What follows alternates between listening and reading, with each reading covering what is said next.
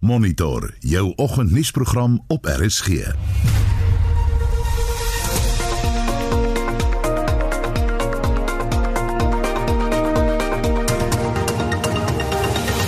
In vanoggend se program die minister van Finansies lewer sy begrotingsrede te midde van uitdagende tye. The corporate income tax rate will be lowered to 27% for companies with years of assessment commencing on or after 1 April 2022. Die politieke oppositie reageer op die begrotingsrede. Tussen half 7 en half 8 bespreek ekonome en politieke ontleeders die begroting breedvoerig hier op monitor. En gemengde gevoelens oor die verandering van plekname in die Oos-Kaap. Die Khoikhoi leiers veral van hierdie gebied, sowel as die Khoikhoi leiers van elders, het hard geveg en vertoë gerig vir die verandering van die lughawe se naam. Hoekom dit wil verander terwyl daar mense is wat honger ly en paaie wat vol gate is? Welkom by Monitor. My naam is Anita Visser. En ek is Gustaf Greiling. Goeiemôre.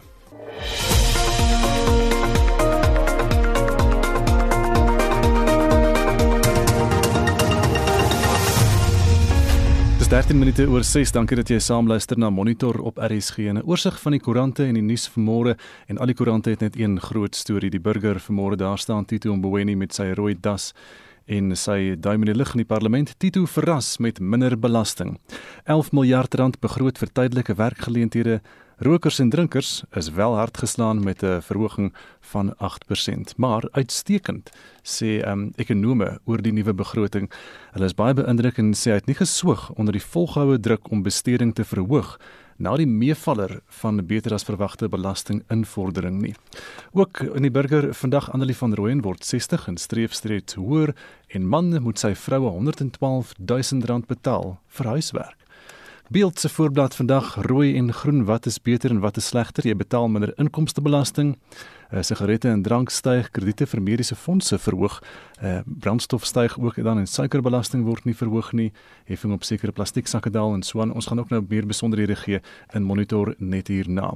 Volksblad se digitale voorblad het ook die begroting en die storie wêreldwye woede oor vrou wat spog met kameelperd hart Internasionaal op bbc.com single shot COVID-19 vaccine safe and effective en dit is nou oor die Johnson & Johnson enstof uh, Johnson & Johnson enstof waaroor daar so berig word. En dan ook Business Day vandag die voorblad daar sê rand at 1 year high and JSE at a record after budget. En dis net so vinnige oorsig oor vanoggend se nuus. Ja, ons SMS vraag vanoggend is juis geskoei op daai einste begroting. Wat anders sou dit nou wees, Heinrich. Inderdaad, goeiemôre Anita. ons wil dan by luisteraars weet hoe het hulle minister Tito Mboweni se toespraak ervaar en dan gegeewe hierdie uitdagende tye waarin ons leef, wat is die positiewe in die begrotingsrede na jou mening? Stuur vir ons 'n SMS na 45889 teen 150 elk of gesels saam op die Monitor en Spectrum Facebook bladsy Anders kan jy vir ons 'n stemnota stuur van so 30 sekondes na 076 5366961 dis 076 5366961 en die mense praat al behoorlik op die Facebookblad.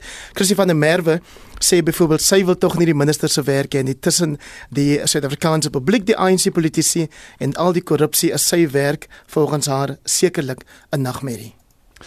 Dit is nou so kwart oor 6. Dankie dat jy saam luister hier na Monitor en ons bly by hierdie begrotingstorie die hele oggend lank. Die minister van Finansies, Tito Mboweni, was uh, gister in sy begrotingstoespraak optimisties oor die land se ekonomiese herstel. Hy het die 2021-2022 begroting in die parlement dan nou voorgelê en Mitsi van der Merwe doen verslag. Mboweni glo die begroting bring hoop. Hy het meer as 10 miljard rand begroot vir die COVID-19 inentingsprogram en het die gebeurlikheidsplan vergroot om die COVID-19 pandemie te bekamp. With this framework, we provide the budget for South Africa's vaccination campaign. This campaign allows us to emerge from the restrictions that we have experienced to economic activity.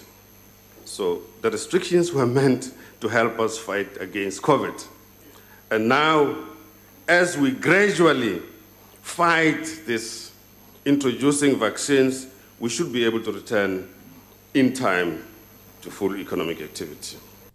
Hy het 3,5 miljard rand op sy gesit vir vroeër kinderontwikkelingsdienste en basiese onderwys. Provinces will receive 3.5 billion from the Department of Social Development to improve access to early childhood development services. 6.3 billion is allocated to extend the special COVID social relief of distress grant until the end of April 2021. In addition, 678.3 million is earmarked for Provincial Department of Social Development and Basic Education to continue rolling out free sanitary towels for learners from low income households. Om misdaad en bedrog te bestry, het Mboweni sowat 1,8 miljard rand vir die Departement van Justisie en Korrektiewe Dienste geoormerk. The Department of Justice and Constitutional Development, Madam Speaker, is allocated a further 1.8 billion to improve business processes. This allocation will support our brave law enforcement agents in the fight against crime and corruption.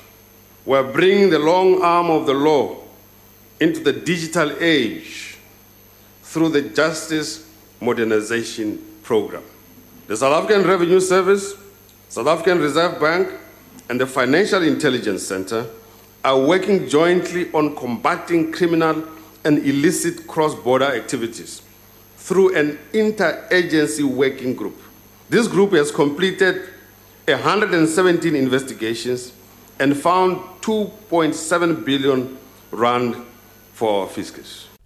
Die regering se infrastruktuurbelegging is op 791,2 miljard rand bepaal. Die minister sê mense moet betaal vir die ou en verwaarloosde infrastruktuur wat herstel of vervang sal word.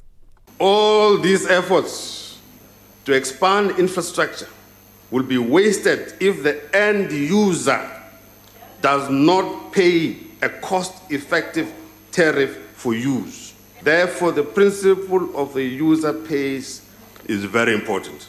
Volgens Mboweni is die land se finansies beter as dit vergelyk word met wat dit was in Oktober 2020, hoewel hy sê ons nog in die moeilikheid is. We owe a lot of people a lot of money. This includes foreign investors in our bond market, pension funds, local and foreign banks, unit trusts, financial corporations, insurance companies, the PIC, and ordinary South African bond holders. Therefore, we must show up our fiscal position in order to pay back the massive obligations we have incurred over the years. Mboweni sê hy is opgewonde oor die begroting omdat dit die ekonomie en openbare gesondheidsdienste ondersteun. Lula Mamatja het hierdie verslag in die parlement saamgestel. Mitsi van der Merwe, SAK nuus. 20 minute oor 6 ons het nou alles gehoor wat Tito Mboweni daar gesê het. Ons het verskeie oppositiepartye genooi om hulle reaksie op die begrotingsrede te gee en elkeen kry so min of meer 'n minuut en 'n half kans vanmôre. Ons begin met die DA se skademinister van finansies Jordan Hill Lewis. Jordan, goeiemôre. Enige verrassings vir jou? Môre, ja, die die drie nuwe reddingsboeie was 'n verrassing. Ehm um, ek het gedink dit gaan stop. Die minister het gesê dit gaan stop, maar dit het nie gestop nie. Die 27 sent verhoging in petrol tax was 'n bietjie van 'n verrassing. Dit beteken hoë kostes vir kos en vir vervoer vir vir die wat uh, kan dit regtig nie bekostig nie. Die armste in ons land wat wat onregverdig en verkeerd is. Ehm um, en laastens ek moet sê ek dink daar was nie genoeg uh vir die COVID impstof nie. Ek dink 4.5 miljard hierdie jaar is te min en 10 miljard oor 3 jaar is miskien 'n bietjie te min, maar ehm um, natuurlik verwelkom ons Gustaf die minister verbintenisse om skuld onder beheer te bring in 2026 en om die staatssalarisrekening te sny met 'n enorme 300 miljard rand dis goeie nuus, maar ons moet sê ons ons moet nou wag om te sien wat die ANC binne en die uh vakbonde sê oor so groot 'n uh, sny in salarisse. So daar's miskien 'n gebrek aan aan geloofwaardigheid daar, maar ons sal die minister definitief hou aan daai uh daai beloftes. Jordan Bey, dankie Jordan Hill Lewis is die DA se skademinister van finansies en ons praat nou ook met die woordvoerder van finansies van die Vryheidsfront Plus Wouter Wessels oor sy siening van die minister se begroting en ons uh, gesels nou met hom môre Wouter. Goeiemôre Gustav. Wat is jou reaksie op die begroting? Welkom ek sê ons verwelkom die feit dat daar nie persoonlike en maatskappye belastingverhogings is nie, maar dit is jammer dat daar nie meer belastingverligting is nie want dit is hoe ons ekonomiese groei werklik kan stimuleer. Dit is onaanvaarbaar soos wat Jordan ook gesê het dat daar 'n verhoging in belasting en heffing soos die brandstofheffing was, dit gaan ekonomiese groei strem. Dit is onaanvaarbaar dat daar reddingsboeye aan die gevalde SAL en die landbank is en staatsuitgawes sal meer besnoei moet word indien die besnoeiing op die salarisrekening van die staat nie gaan realiseer nie, gaan hierdie hele begroting nie realiseer op die einde van die dag nie. Die skip is besig om te sink en daardie veronderstellings en daardie beloftes wat die minister gemaak gemaak het is uiters belangrik. Eh, Daar's tamelike positiewe reaksie van ekonome vanmôre. Daar is, maar dit is gebaseer op die feit dat daardie belofte ten opsigte van besnoeiing van staatsuitgawes gaan realiseer. Die ander moeilikheid is dat die begroting ook geskoei is op 'n veronderstelling dat die ekonomie gaan groei met meer as 3%. Indien dit nie gaan gebeur nie, gaan ons in die moeilikheid wees en gaan hierdie begroting eintlik aangepas word later hierdie jaar en gaan ons hoor dat ons nie hierdie teikens gaan bereik nie en dit is wat eintlik 'n vraagteken oor die hele begroting laat. Dankie Wouter, Wouter Wessels is die woordvoerder oor finansies by die Vryheidsfront Plus. Ons praat nou ook met die ACDP se lid van die finansiële eh, die parlementêre komitee dan die staande komitee van finansies daar in die parlement, Steve Swart. Môre Steve. Môre Gustaf. Wat is jou reaksie vanoggend? Nee, van ons kant af is daar aspekte wat positief is, maar uiteraard bly die uh, staatsfinans nog in 'n benarde toestand. En dit weet ons almal, die syfers is effens beter as wat in Junie en Oktober aangekondig is, maar alles is geskoei op ekonomiese groei en dit is uiters belangrik. Die minister het aangedui ons moet bly by die fiskale konsolidasiepad om die staat se skuldlas af te bring om rentedelgingskoste af te bring. Maar die vraag is of hy die politieke steun gaan hê om dit te kan doen. Ons verwelkom die feit dat daar minder inkomste belasting is asof die die uh, die inentingsprogram die 10 miljard rand oor 2 jaar en en uit die besonders van die ACDP se kant af pleit ons altyd vir bykomende befondsing vir die nasionale vervolgingsgesag vir justisie Ehm um, dit is uiters belangrik en hulle het hulle het 1.8 miljard uh, bykomende geld gekry. Dit is om die wydverspreide korrupsie te te staan. Skuldiges moet agter tralies geplaas word en die miljarde wat gesteel is, moet teruggeëis word en dit kan help om die boeke te balanseer. Van ons kant af uh, voel ons dat daar moet rentmeesterskap mees wees met die staat se finansies en bates. Steve baie dankie Steve Swart is van die ACDP. Nou die sekretaris-generaal van die Good Party Brett Herren gaan die party se standpunt dan nou oor die begroting stel môre Brett. Good morning, goeiemôre. Wat is jou reaksie môre? So for us the um the budget was one of hope and despair. Um in the hopeful parts we were pleased that there is a um, clear allocation for the uh, vaccination program. We need to vaccinate 67% of the adult population in this calendar year if we're going to bring stability to our country and its economy. The 10 billion rand allocated over two years, uh, we welcome that. We hope that it's sufficient, but we know that the minister also indicated that there's a reserve to draw on in case of there are unexpected costs. The cost of the vaccine will determine whether the 10 billion rand is sufficient or not.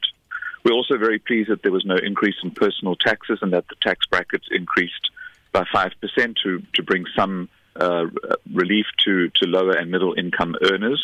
The despair for us was the extension of the social grant only until the, the temporary social grant only until the end of April.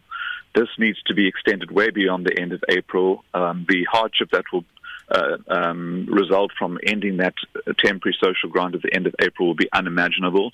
And we need to be uh, working towards a permanent basic income grant for those millions of people who cannot find work um, in an economy that's not producing enough jobs. We can't expect millions of people to, to live day by day without access to any income. And then the second part of I think despair was that we didn't meet the targets that were that were promised in 2020 when the minister indicated that we would reach a surplus in 2023 2024 that's been pushed out to 2025 and the debt ceiling that he um, uh, promised in 2020 at 87% has now been extended to almost 80, 89% um, and we only stabilize the debt again in 2025. Dankie Brett. Brett is sekretaris-generaal van die Good Party. Dis nou 626 jy luister na Monitor en die sakeverslag word nou aangebied deur Jaco Joubert van PSG Wealth Sandton. Môre Jaco. Goeiemôre aan die goeiemôre aan al die luisteraars. Die JSE indeks van alle aandele het gister met 0.42% hoër op 66201 punte gesluit. Die top 40 indeks het uh, eh, 0.42% hoër op 60747 punte gesluit. Die industriële indeks was uh, eh, 0.1% laer. Finansiële aandele was met 0.88% hoër. Goudmyners was met uh, eh, 1.75% laer en die Hulbron indeks was 0.89% hoër. Onder die groot verloders was uh, MultiChoice Group met uh, 4.4%, Reunert met uh, 3%, Goldfields met 2.8%, Bitcorp met 2.7% en Santam met 2.3% laer. Onder die wenners was uh, Hammerson met 9.8%, Textainer met 4.7%, Sappi met uh, 3.9%, ACI met uh, 3.4% en Sasol 3.2% hoër. Na 'n aanvanklike positiewe reaksie op die begrotingsrede deur meneer uh, Tito Mboweni, het beide die rand en die beurs teruggesak. Die beurs was in die groen teen sluiting, maar het inderdag hoër verhandel. Die begroting het vir beleggers egter die realiteit van die land se ernstige en swak ekonomiese posisie onderstreep.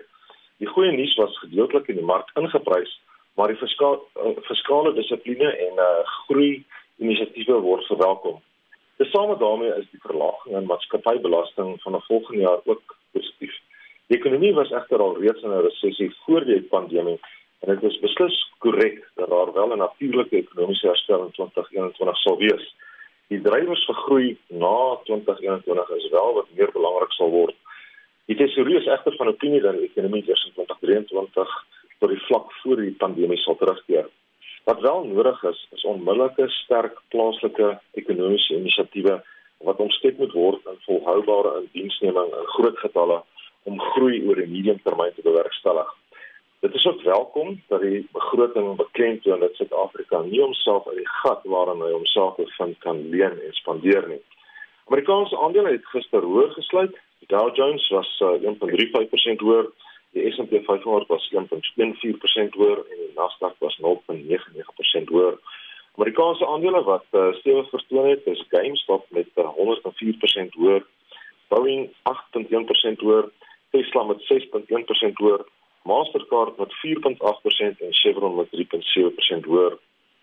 Moderna het gisterand aangekondig dat sy nuwe vaksinne wat aangepas is vir die Suid-Afrikaanse variant nou gereed is vir toetsing. Moderna se aandeleprys is 500% hoër vir die afgelope 12 maande. Op die termynmark uh, is die aanduiding dat die Amerikaanse Dow Jones indeks vandag hoër sal open. Europese aandele het gister uh, hoër gesluit. Die land, uh, in Londen was die FTSE 100 0.5% hoër. Die Duitse DAX was uh, 0.8% hoër. Die Franse CAC 40 0.3% hoër en die Switserse SMA 1.12% laer. Die mark in die oosterse streek verhandel vanoggend hoër. Die Nikkei 225 in Japan is uh, 1.71% hoër. Die Hang Seng in Hong Kong is uh, 2.21% hoër. Die Shanghai Composite in China staan uh, 1.07% hoër en die Australiese ASX 200 is 0.94% laer. Die prys van Brent olie is vanoggend op uh, 67.26 dollar per vat. Goud verhandel op 1795 dollar per fyn ons en platinum op 1260 dollar per fyn ons. Die rand verhandel vanoggend op uh, R14.52 teenoor die Amerikaanse dollar, R20.53 teenoor die Britse pond, R11.56 teenoor die Australiese dollar en jy sal op die oomblik uh, R17.67 betaal vir euro. daarmee groet ek tot volgende keer en 'n aangename dag vir julle almal. Jy luister na Monitor elke weekoggend tussen 6 en 8. 631 en die jongste nuus toelatings tot hoër onderwysinstellings sal tot van dese week of liewer sal nog van dese week verwerk word. Aktiewe koronavirusgevalle daal tot onder 36000. En ons praat breedvoerig met ekonome en politieke ontleeders oor die begrotingsrede. Bly by ons.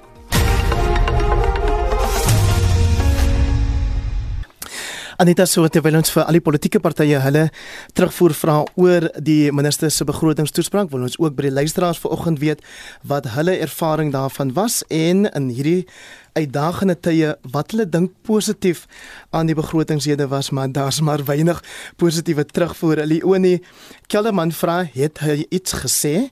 En dan antwoord Kobus Kirsten dat die minister wel iets gesê het, maar hy praat en hy praat en hy praat en hy doen niks nie. Kompleet soos die Protea krikerspan wanneer hulle oor die dag op die veld gaan. Jans Robert vra wat kan die mense of die ou mense dan nou met R30 ekstra maak, twee ekstra brode dalk 'n maand koop? En uh, dan sê Toby Koeker uh, Koekemoer wel dit wat ontvleiend hy kan die 30 randjies vir die ou mens pensioen druk waar die aap die neet gedruk het. Dit is 'n absolute skande. 'n uh, boodskap ook hier van um, Ruben Lou wat sê mense is maar net met alles ontevrede. Die minister het dan toelaas verhoog wees asseblief tevrede met dit wat jy het. Dit is beter as niks nie. En dan sê Helene Hofman Botha, sy was vooraf verkeerd geweest met dit dat sy verwag het daar gaan meer belastings en ook meer maatskaplike toelaas wees. Jy kan steeds saamgesels deur vir ons 'n SMS te stuur na 45889, dit kos jou R1.50 elk of jy gesels saam op die Monitor en Spectrum Facebookblad. So en stuur jy vir ons 'n WhatsApp stemnota na 076 536 6961. Hoe korter, hoe beter.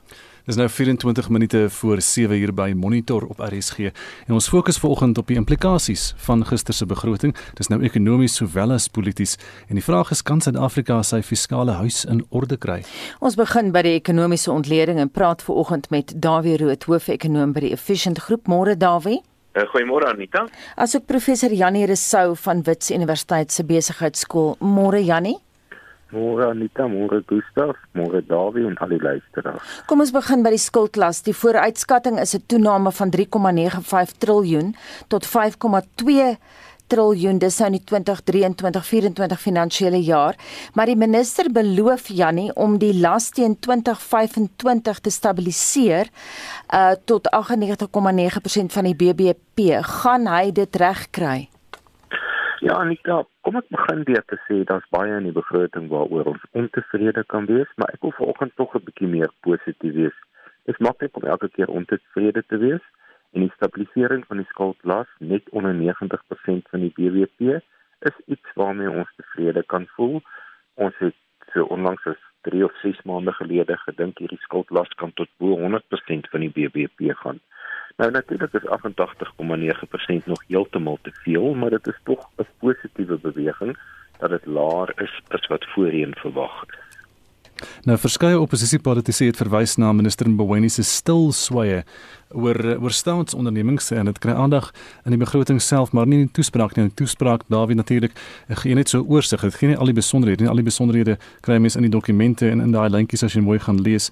Uh, maar die idee as ek Jordan Hill Lewis sê die minister was oneerlik deur te swyg oor die ekstra 4,3 miljard wat SAL kry en dan eers te praat van van Eskom se koffers wat weer gevul gaan word nie.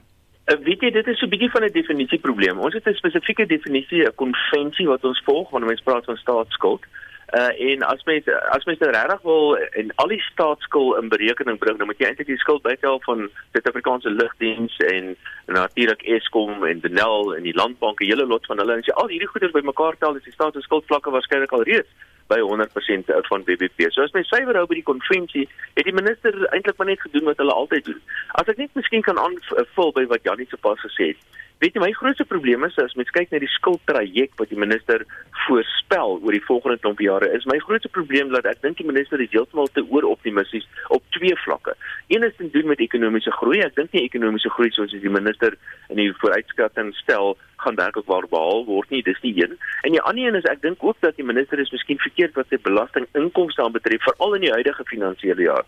Nou dit is baie belangrik, want as jy nie inkomste kry nie, dan beteken dit eenvoudig jy moet meer geld gaan leen.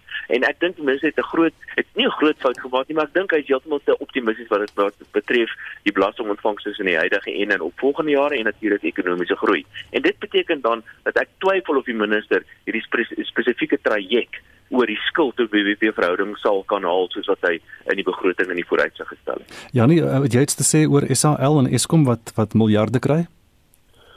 Ja, uh, Gustav ek het nou so baie oor Israel gepraat. Oor Eskom besef ek dat dringend noodsaaklik is dat ons elektrisiteit moet hê dat Eskom se huis in orde moet kom.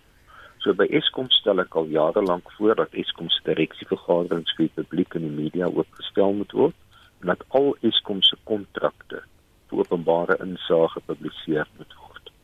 As ons daardie twee goed doen, sal dit skielik baie beter gaan met Eskom.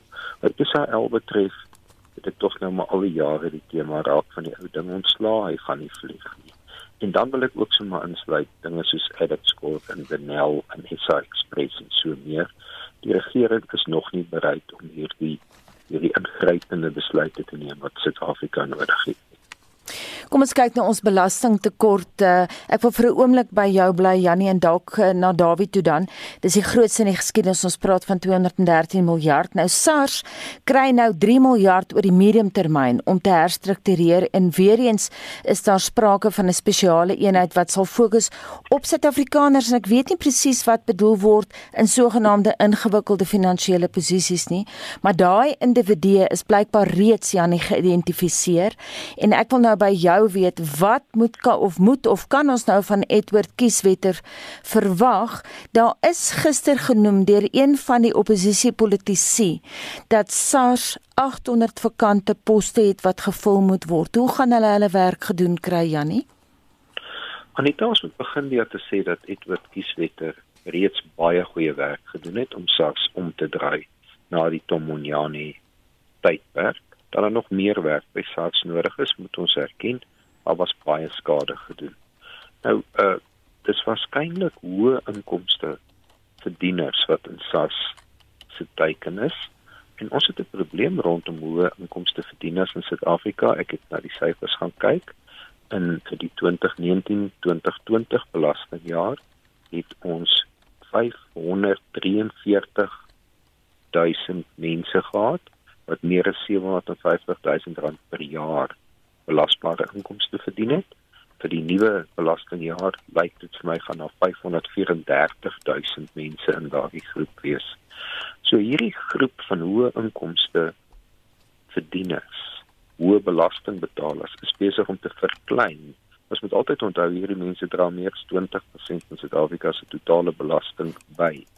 So hier is mense wat besig is om te immigreer en ons hoë inkomste verdiener groep groei nie. So dit is nodig dat daar 'n fokus op hierdie groep mense is. Aan die een kant is dit net immigrasie wat hierdie groep plat verklein, aan die ander kant is daar mense wat effektief belasting ontduik en dus uit hierdie groep uitval.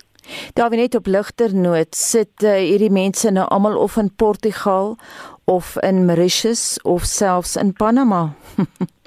Wel die realiteit is uh, die basiese benadering vir mense wat wat wat uh, belasting of minder belasting wil probeer betaal en natuurlik probeer om so jou sake te struktureer dat jy so min as moontlik belasting betaal. Die basiese benadering is dat jy wil in beheer wees van jou bates, maar jy wil nie in besit of dat jy wil nie die eienaar wees van jou bates nie. En dit beteken dat jy dan internasionale strukture in plek stel soos byvoorbeeld trust en maatskappye en dies meer in 'n poging om jou belastinglaste verlas in Suid-Afrika, veral in jurisdiksies waar die belasting heelwat laer is. Nou Nou regter Davies het al reeds aangedui of gesê so klompie so rukkie terug dat hy sien baie Lamborghinis en Ferraris in die strate van Sandton en hy seker al daardie mense betaal nie die belasting wat hulle veronderstel is om te betaal nie en dat 'n sogenaamde lewensaudit gedoen gedoen moet word of lewensstandaard audit gedoen moet word om te kyk watter van hierdie mense betaal dan nou nie die nodige belasting wat hulle moet nie. Maar die realiteit is is dit is heeltemal korrek wat Janie sê dat die belastinglas in Suid-Afrika is besonder skeef. Min mense betaal baie belasting en mense sit stel hierdie strukture in plek en hierdie strukture is nie noodwendig onwettig nie, maar dis baie aggressiewe strukture in 'n poging om so min as moontlik belasting te betaal en ek dink dit is nogal waarna meneer Kieswetter gaan kyk om seker te maak dat al hierdie mense hulle belasting betaal. Miskien moet mense net die punt maak, daar word baie keer gesê elkeen moet sy regverdige deel betaal. Nou ons kan sekerlik 'n debat voer oor wat is daardie regverdige gedeelte, want die realiteit is is dat die fiskus in Suid-Afrika, die staat in Suid-Afrika is besonder herverdeeld. So die ouens wat die geld betaal, daar's min, relatief min van hulle. Hulle is nie die ouens wat die voordeel kry van die staat se besteding byvoorbeeld nie. Daar wie kom ons dan vir 'n oomblik stil by die betaal van belasting deur mense inkomstebelasting soos ons nou, al is jy nou in 'n ingewikkelde finansiële posisie of nie, wat ook al daai definisie is. Daar is groot belastingverligting is nou die groot positiewe nuus vir vanoggend en uh, ek wil vir jou vra hoe hulle dit reg gekry want ons het gehoor van hierdie wat hulle noem bracket creep, né, die belastingkurwe wat aangepas ja. word met is dit 5%? Ja, die uh, die, die belangrikste belasting in Suid-Afrika, die grootste belasting in Suid-Afrika is persoonlike inkomstebelasting. Nou daar staan 'n ding wat bekend staan as fiskale sloering of dan nou bracket creep in Engels. En dit beteken net eenvoudig dat soos wat jy 'n salarisverhoging kry ten einde jou salaris aan te pas vir inflasie, gebeur dit baie keer dat jy in 'n hoër inkomstebelasting kerf verval. So jy kry nie werklik in regte terme of in reële terme 'n verhoging nie. En dis wat die minister gedoen het. Hy het die effek van inflasie het hy probeer neutraliseer deur hierdie belastingkerf so 'n soort van saam met inflasie opwaarts aan te pas. In 'n realiteit beteken dit 'n belastingverligting van so net oor die 2 miljard vir al die belasting persoonlike inkomste belastingbetalers wat nie werklik waar vreeslik baie is nie. So eintlik wat gebeur het, jy het maar net jy het maar net jou relatiewe belastingposisie uh, uh probeer dieselfde hou in vergelyking met die vorige finansiële jaar. Ja nee, nou jou toe, julle kollega Mike Schuessler het gister gekla op monitor oor die feit dat maatskappybelasting in Suid-Afrika sy woorde die 7de hoogste ter wêreld is. Nou minister Mboweni het beloof dat die spesifieke belasting verminder sal word, is nou maatskappybelasting van 28 na 27%. Is die gebaar Jannie goed genoeg? Dis 'n belangrike gebaar in die regte rigting vir alles wat ons in ag neem hoeveel van die uh kom ons noem dit maar meer sosialisties georiënteerde drukgroepe in Suid-Afrika en ek wil myself net in die rede val om te sê hulle het almal justice in hulle name weet regtig nie hoekom nie hoekom hulle daardie woord vir hulle toeëien nie maar uh, hulle druk juis vir hoër maatskappybelasting. Ons moet dan net onthou dat die 27% kom saam met sekere aftrekkings wat maatskappye nou het wat uitgefaseer gaan word Anita, ek wil net een ander ding oor hierdie begroting sê. Mm -hmm. Oor ek vergeet wat uiters belangrik is. Mm -hmm. Die hart van hierdie begroting is die benadering dat staatsdiens salarisrekeninge mm -hmm. oor die volgende 3 jaar omtrent nie gaan groei nie. Daar word voorsien vir groei van 2.1% in die komende belastingjaar en daarna 1.2% per jaar. Nou dit is ongeveer met genoeg om die kerfaanpassings van staatsamptenare te dek daar's geen geld vir algemene aanpassings nie. Dus mm -hmm. hierdie deel van die begroting nie uitwerk nie, val hierdie hele begrotingsplan plat. Ja. Hierdie hele begroting is gebaseer op die beperking van die staatsdiens salarisrekening, iets waarvoor ek al seker die laaste 6 jaar pleit. Mm. Ek is dankbaar om dit te sien, maar ek moet waarsku dat as hierdie deel nie uitwerk nie, hierdie begroting nie die papier werd waarop dit geskryf is. En daar wie jou kommentaar daarop, hierdie staatsdiens salarisrekening ja. is vir Tito Mboweni soos 'n berg, die saak is in die hof in die stadium met vakbonde, hulle beklei daaroor. En dit is natuurlik ook 'n vreeslike groot politieke dilemma hierdie of 'n tamaletjie. Want die groot uh, uh, vennote van die ANC is natuurlik onder andere Kusatu. En as hy dit reg kry met die salarisverhoging so laag te hou as wat hy beplan om te doen, dan beteken dit in baie gevalle dat staatsamptenare eintlik 'n verlaging in reële terme mm. salarisse gaan kry. En ek is seker daar gaan 'n groot boei opgeskop word in 'n poging van hulle om dit te verhoed en te probeer dat hulle lede, soos die afgelope klompie jare, weer 'n keer baie groot verhogings kry. Dit is sekerlik en Janie is absoluut reg. Dit is een van die groot groot gevare as ons nie daaraan kan voldoen soos wat die minister hierso beplan om te doen nie, dan is hierdie hele begroting eintlik niks werd nie. Ek kan miskien ook byvoeg, 'n verdere groot probleem vir my is die staat se inkomste en dit hang natuurlik af van ekonomiese groei. En soos wat ek net nou gesê het, ek het 'n idee dat die minister waarskynlik te optimisties is oor ekonomiese groei en gevolglik sy belastingontvangste daaruit. Ja, nee, eergister het uh, Agri SA se Christo van der Rede in Monitor verwys of liewer dit was gister na die belangrikheid van die landbanke uitgesê dit dra 30% by tot landboufinansiering. Ons het gepraat oor die boere wat dringend hulp benodig. Ons het met die uh, Agri Landbou self gepraat, mense wat gesê het hulle het hulp nodig. Nou die bank kry nou 'n ekstra 7 miljard rand oor die medium termyn en dan word daar 896 miljoen op sy gesit vir die afhandeling van grondeise. Jou kommentaar daarop. Ja, die landbank is baie belangrik in Suid-Afrika. Dit is baie belangrik vir landbou, maar of ons nou vir die landbank 7 miljard meer of minder gee, die belangrike ding vir die landbank is behoorlike bestuur. Soos ons by SA gesien het, die lugdiens. Ons het oor jare heen miljarde rande vir die lugdiens gegee, maar omdat nie behoorlike bestuur was nie, omdat hmm. daar nie behoorlike beheer was nie, is daardie geld net eenvoudig tot niet. So Ons kan natuurlik vir die landbank meer geld gee ten einde die landbou te help op voorwaarde dat ons behoorlike bestuur en beheer by die landbank instel sodat hierdie geld nie vermors word nie, maar korrek aangewend word. Dit is die ja. voorwaarde daarvoor. Maar daar's geen twyfel dat die landbank belangrik vir landbou in Suid-Afrika is nie. Dawie, hoe voel jy oor die landbank? Lyk of hulle hom of hulle hom regtig beskerm? Ja, daar was min twyfel geweest dat die landbank die nodige ondersteuning gaan kry omdat die landbank so vreeslik baie belangrik is. Maar ek het nou nogal nogal vermoede of miskien moet ek dit sê. Uh, Tito Mboweni is nogal bekend daarvoor dat hy ten gunste is van 'n sogenaamde staatsbank. Nou eintlik is die landbank op 'n manier 'n staatsbank. Daar's 'n klompie ander banke wat ook al reeds staatsbanke is en dit is nogal vir my interessant om te sien dat ek dit nêrens nou in sy toespraak uh, of in die in die res van die dokumente iets gesien van 'n staatsbank nie. So lyk my daai stokperdjie van Tito vir nou is miskien uh, iets van die verlede. Maar nog iets wat belangrik is, uh, dink ek, is dat ek het byvoorbeeld ook nie gesien baie van die ander staatsbeheerde instellings wat ook bitter diep in die moeilikheid is finansiëel dat hulle ook geld kry nie. Ek verwys spesifiek na onder andere Denel en ek het so vermoede oor die volgende klompie maande dat ons miskien kan sien dat van hierdie staatsbeheerde instellings uiteindelik selfs gelikwideer kan word. Laat hulle laat hulle toe om om dood te bloei basies. Uh, dis inderdaad so, maar weet jy die enigste manier lyk dit vir my in baie gevalle om seker te maak dat hierdie goed beter bestuur word is eenvoudig om hulle so diep uh, soveel druk op hulle te plaas dat hulle nie 'n keuse het nie om uiteindelik die regte ding te doen nie. Nou ek dink SAL is miskien 'n uitsondering wat dit dan betref, maar ons weet van die instellings soos byvoorbeeld die lughawe maatskappy is besig om planne te maak om seker te maak dat hulle finansiëel kan oorleef. Janie, minister Mboweni het herhaaldelik gesê die begroting is nie 'n besuinigingsbegroting nie. Hoekom die klem wat hy daarop gelê het? Hy het seker dit 5 of miskien self 6 keer gesê. Ja, ehm um, Anita, die woord wat hy gebruik is austerity. O, austerity, budget. ja. Ja, ek hou absoluut van jou vertaling van besuinigings. Baie dankie, Janie. ek het lankal gesoek na 'n goeie Afrikaanse woord daarvoor.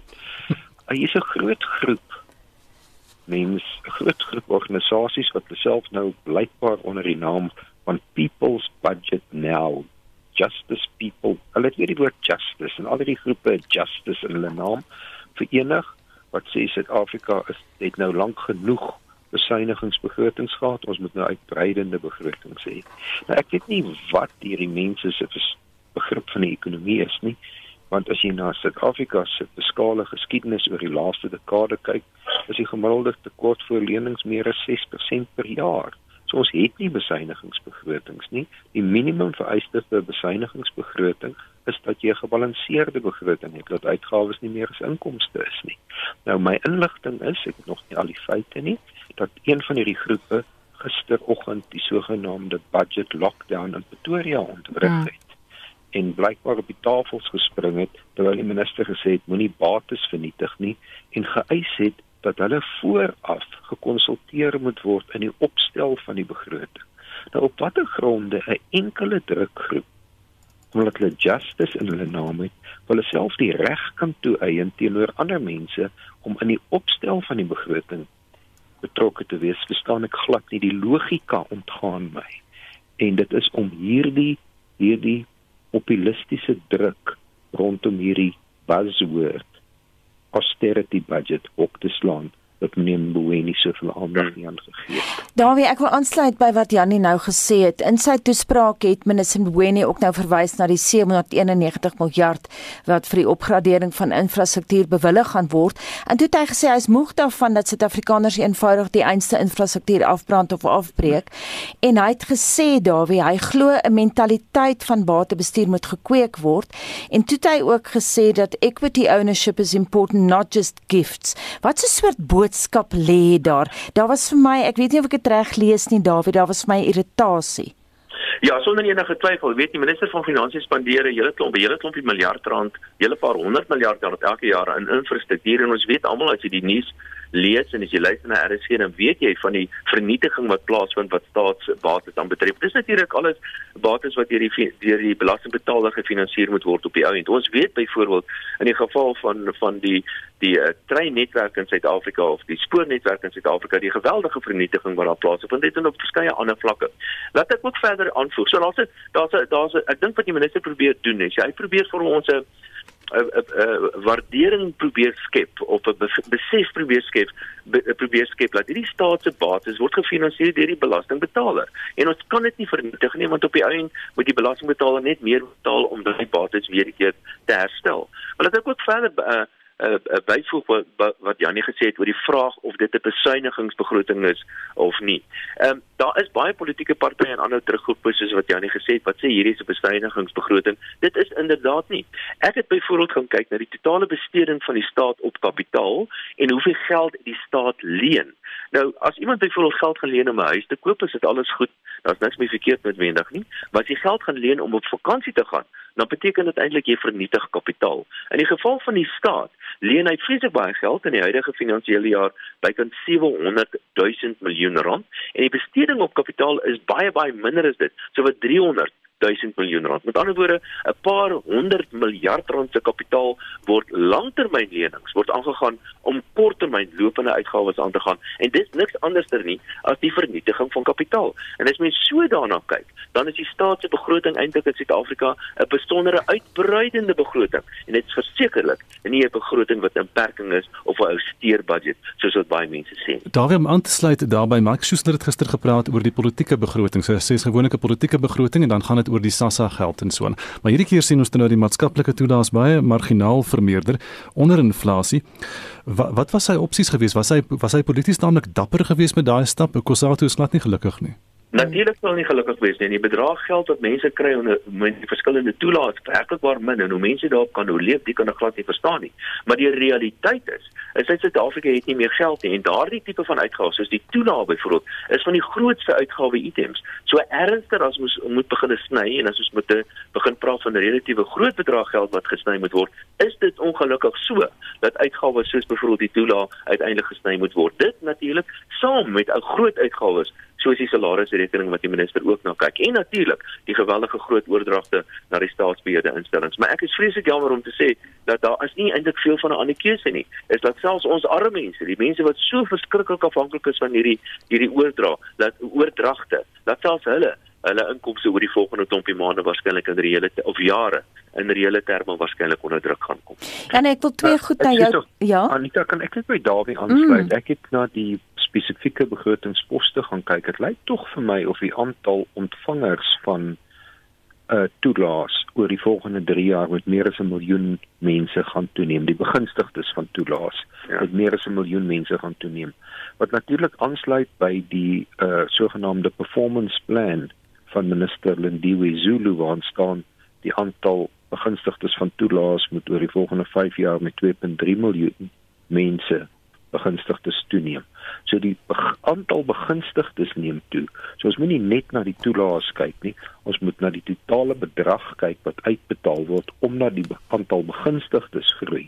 En as die aantal begunstigdes groei, beteken dit die bedrag wat jy het om per persoon uit te betaal is nog meer onder druk. Ja.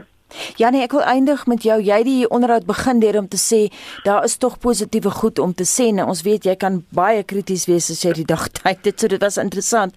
Maar ek wil tog kommentaar van jou hê op uh, die Vryheidsfront Plus se leier Pieter Groenewald se kommentaar was kort en kragtig. As die staatsmaatskappy was, is dit lankal gelikwideer. Dink jy daai kommentaar was regverdig net na vanjaar se begroting? Ja, dis 'n baie goeie opsomming van waar ons is. Enige maatskappy wat sy uitgawes elke jaar sy inkomste met so groot marge oorskry as wat ons met die Suid-Afrikaanse regering oor die laaste dekade sien, sou homself in likwidasie investeer het. Baie dankie Jannie, ons het gesels vanoggend dan met eh, Jannie Resou van Wits Universiteit se besigheidskool en Dawie Rood van die Efficient groep.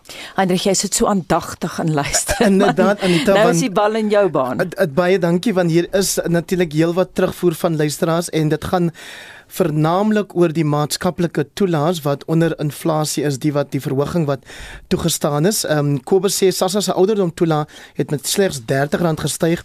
Dit wil sê slegs 1,6%, maar inflasie is ten minste 3,2%. Daai somme sal jy natuurlik kan maak Anita. Dan Renwil de Jong wat sê ek het gedink hy was 'n bietjie ligsinnig op party plekke, maar dalk verskil ons humor sin net ehm um, ietwat.